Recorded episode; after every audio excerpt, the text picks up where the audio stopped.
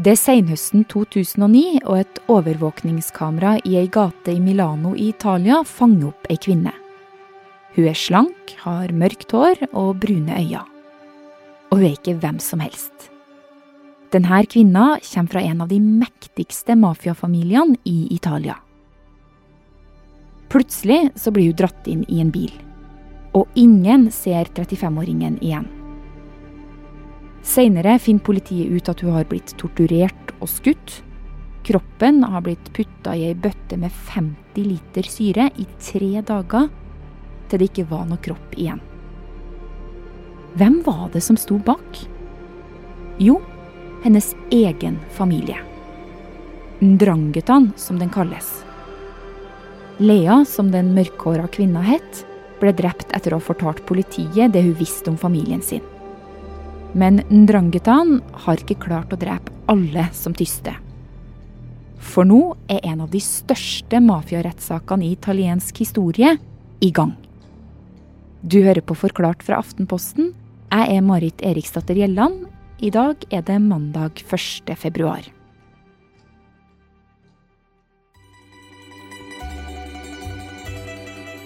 Helt sør, på tåspissen av Italia, ligger en liten by opp langs fjellsidene.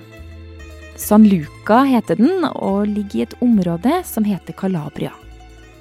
Googler du denne byen, så ser det ut som den italienske drømmeferien med oransje og gule murhus i små, trange gater. Men reiser du dit, så er det ikke helt sånn som det ser ut på Google.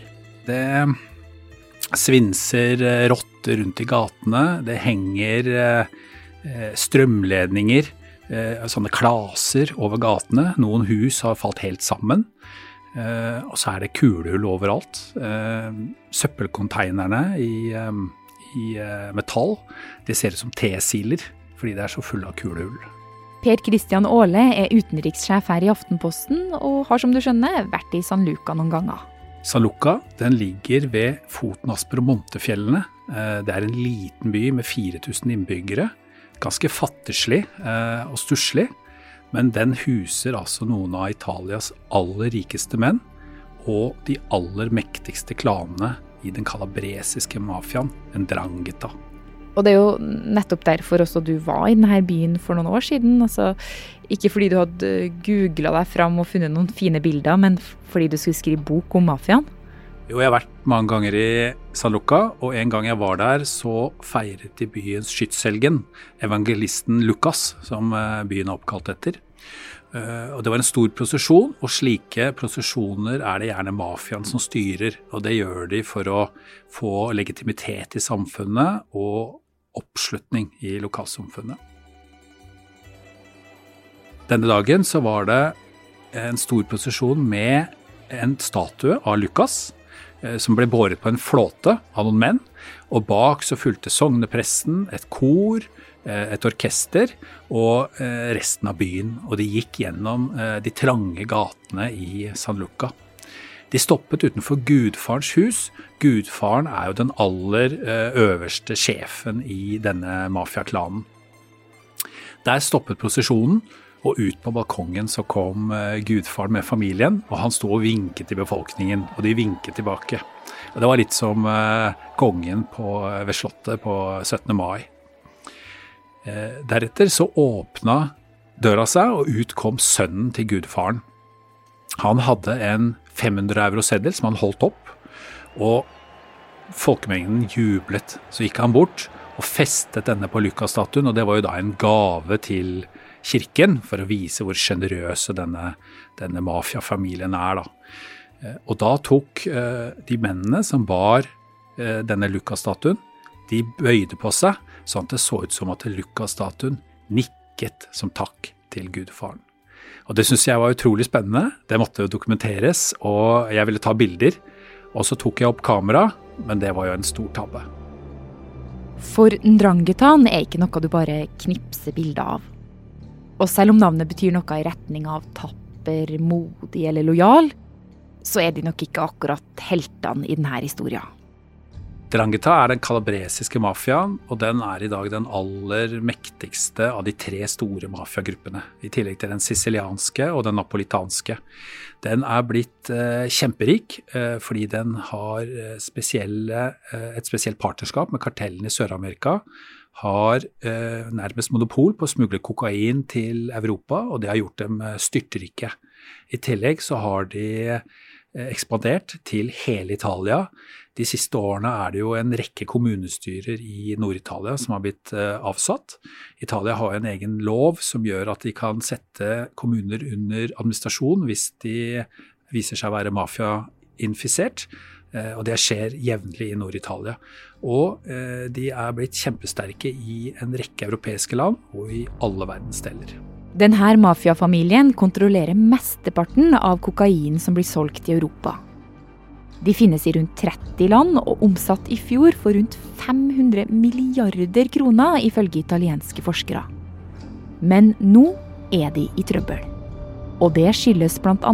en liten og tettbygd mann med kraftige øyebryn og høyt hårfeste.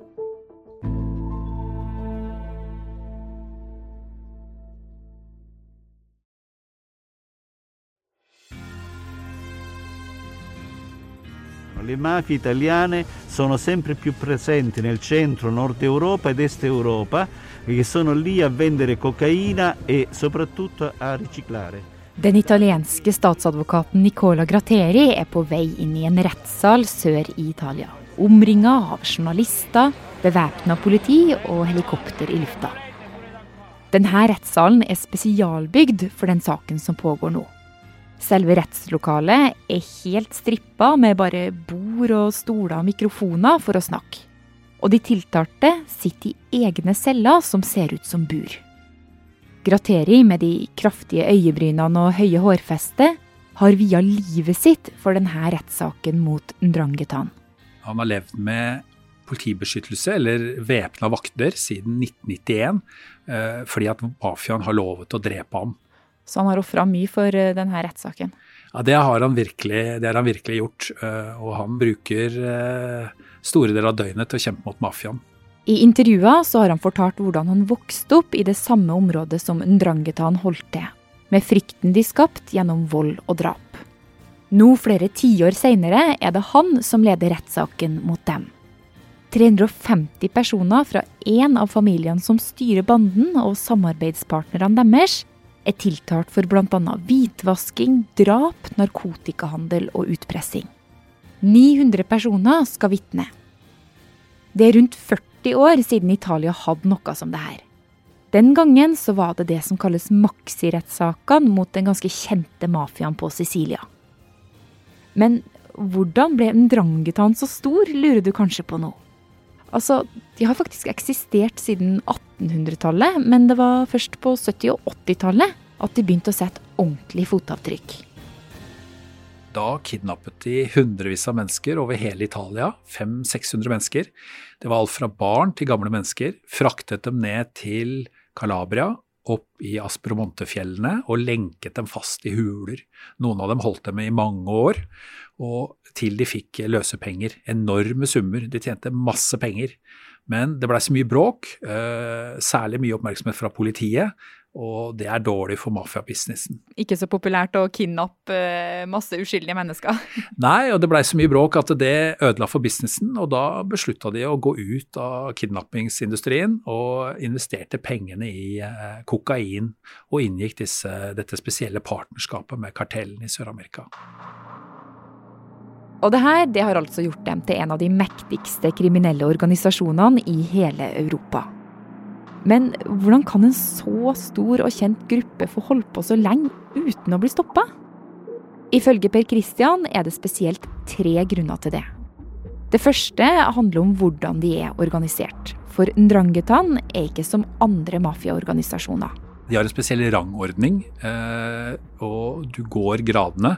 Men nederst så er det det man kan kalle kriminelle løpegutter. Men høyere opp i rangstigen så er det kun familiemedlemmer. Fedre, sønner, bestefedre. Og det er, de, det er kun de som får innsyn i forretningsdriften, da. Og Derfor er det så vanskelig for politiet å få inngrip med dem, fordi at familiemedlemmer de tyster ikke på hverandre. De bryter ikke omerta, altså mafias taushetsplikt. Et andre forhold er at de har en, eh, en stor grad av eh, selvstyring, eh, de ulike lokallagene. De får, selv om det er en verdensomspennende forbryterorganisasjon, så får lokallagene stort sett drive med sine forbrytervirksomhet slik de vil. Og det gjør at hvis politiet tar én klan, så får ikke det konsekvenser for resten av organisasjonen. Det er litt som terrororganisasjoner som er eh, bygd opp i celler, kan du si. Og det siste det går tilbake til disse Maxi-rettssakene på Sicilia. Det var jo starten på et voldsomt basketak mellom den italienske staten og den sicilianske mafiaen. Og i skyggen av det som man kan kalle nærmest en krig, så fikk en Drangheta vokse i fred. Det her er jo, ikke sant, De har fått vokse i fred. og Nå gir det oss noen gode grunner til hvorfor. Men likevel, altså Italia har jo politi og krefter som kjemper mot mafiaen også, og hvorfor får de ikke bukt med mafiaen i landet? Ja, Noen av de årsakene har jeg jo forklart nå, men eh, nok en viktig grunn er nok eh, denne mafiakulturen som er eh, veldig gjennomsyrer samfunnet i Sør-Italia. Og når jeg snakker med eh, lokale innbyggere, f.eks. For en eh, forretningsmann, så er de enige at jo, det er dumt at de må betale pizzo, det, det italienerne kaller beskyttelsespenger. Man må jo betale beskyttelsespenger til mafiaen. Jo, de er enig i at det er dumt, men samtidig, på den annen side, så betyr det at de også får gjenytelse fra mafiaen. Mafiaen fikser eh, offentlige løyver, lisenser, og hvis en eh, konkurrent etablerer seg i området, så blir den raskt eh, overtalt til å, å legge ned. Mafiaen er jo flink til det. Og det gjør at særlig den eldre generasjonen de ser mafiaen som en stor fordel. Men så vokser det fram en ny generasjon som ser at det er nettopp denne mafiakulturen som gjør at Sør-Italia forblir i permanent fattigdom. Og de har virkelig begynt å ta opp kampen, og der har de gjort uh, store fremskritt. Og rettssaken nå et sånt eksempel? Den er et eksempel på det, og kanskje det viktigste med den rettssaken er at den er med på å knuse en myte som er eh, veldig viktig for mafiaen, og det er myten om at den er uovervinnelig. At den er så mektig at det er altfor farlig å sette seg opp mot den. Folk, av den grunn så tør ikke folk eh, anmelde dem, de tør ikke å vitne, men når folk ser at andre anmelder mafiaen, de vitner, de blir stilt eh, for, eh, for, en domstol og dømt til lange straffer. Så ser de at det er faktisk mulig, den er ikke så mektig, og da får man en positiv spiral. Og det har man sett i Sicilia. Det har virkelig skjedd en revolusjon eh, på Sicilia. Og hvis du hadde snakket med en sicilianer og fortalt hvordan det er i dag, for 30 år siden, så hadde han ikke trodd på det. Det har skjedd virkelig en, en, en revolusjon. Og den sicilianske mafiaen, den er bare en skygge av hva den var i sin store storhetstid. Den har brukket ryggen. Hm, så mafia eh, Den italienske mafiaen som vi har sett på film og sånn, kan etter hvert dø ut? Den lever ikke evig? Det, jeg, det, skal, det, skal, jeg ikke spå om. Jeg tror, eh, jeg tror, nok det kommer til å ta mange generasjoner hvis det noen gang dør ut. Men, men den kan i hvert fall bli eh, langt svakere og, og, enn den er i dag. Da. Og Italia er på rett vei. Selv om rettssaken mot Ndrangetan i Italia nå er ett skritt i riktig retning, så er denne saken retta mot én familie i mafiagruppa. Og det er ikke gudfaren i San Luca, denne byen vi starta hele episoden i. For hvordan gikk det egentlig med Per Christian etter at han tok det bildet? Altså, han lever jo heldigvis fortsatt. Men ikke uten et ekkelt vakkert minne om hva som kan skje om du pirker borti den italienske mafiaen. Jeg skulle ta bilder av denne prosesjonen, og, og utenfor gudfars hus så eh, tok jeg opp kamera, og da kom det to kraftige karer ganske raskt, slo vekk kameraet og ba meg pelle meg vekk. Eh, jeg er jo ikke dum, så jeg gjorde som de sa, selv om jeg syntes det var veldig synd. Så gikk jeg bort fra posisjonen, oppover i byen, hadde vel gått kanskje 50-60 meter, og snudde meg og så så jeg at de to karene fulgte etter meg. Og da ble jeg jo ganske stressa. Men så tenkte jeg nei, nå er jeg paranoid. det kan ikke stemme. Så jeg fortsatte oppover i byen. Det var jo helt folketom, for alle var på prosesjonen. Og tok litt bilder. Så kom jeg til en trang gate og skulle gå gjennom den, og da fikk jeg øye på disse to karene. De kom rett mot meg. Jeg blei kjempestressa. Visste ikke hva jeg skulle gjøre, så jeg bare så rett ned i bakken. Gikk langs husene på den ene siden og gikk rett fram, sa ingenting. Og idet de passerte meg, så tok han ene og slo skulderen hardt inni meg, så jeg skvatt til, men de sa ingenting. Og sånn fortsatte det. De fulgte etter meg, trakasserte meg og holdt på i lang tid.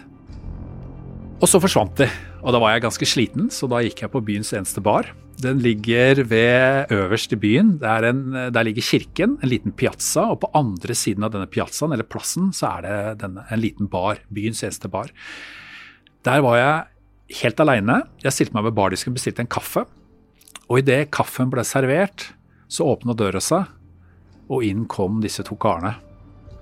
De stilte seg rett ved siden av meg og klemte seg mot meg.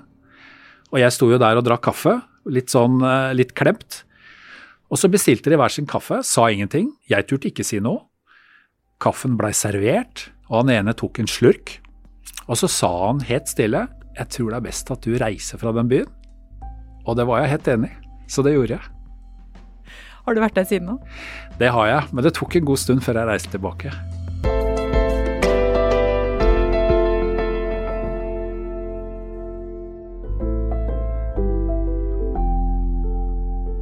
Denne episoden var laga av produsent David Vekoni og meg, Marit Eriksdatter Gjelland. Resten av Forklart er Ina Swann, Karoline Fossland og Anne Lindholm. Du har hørt lyd fra nyhetsbyrået AP.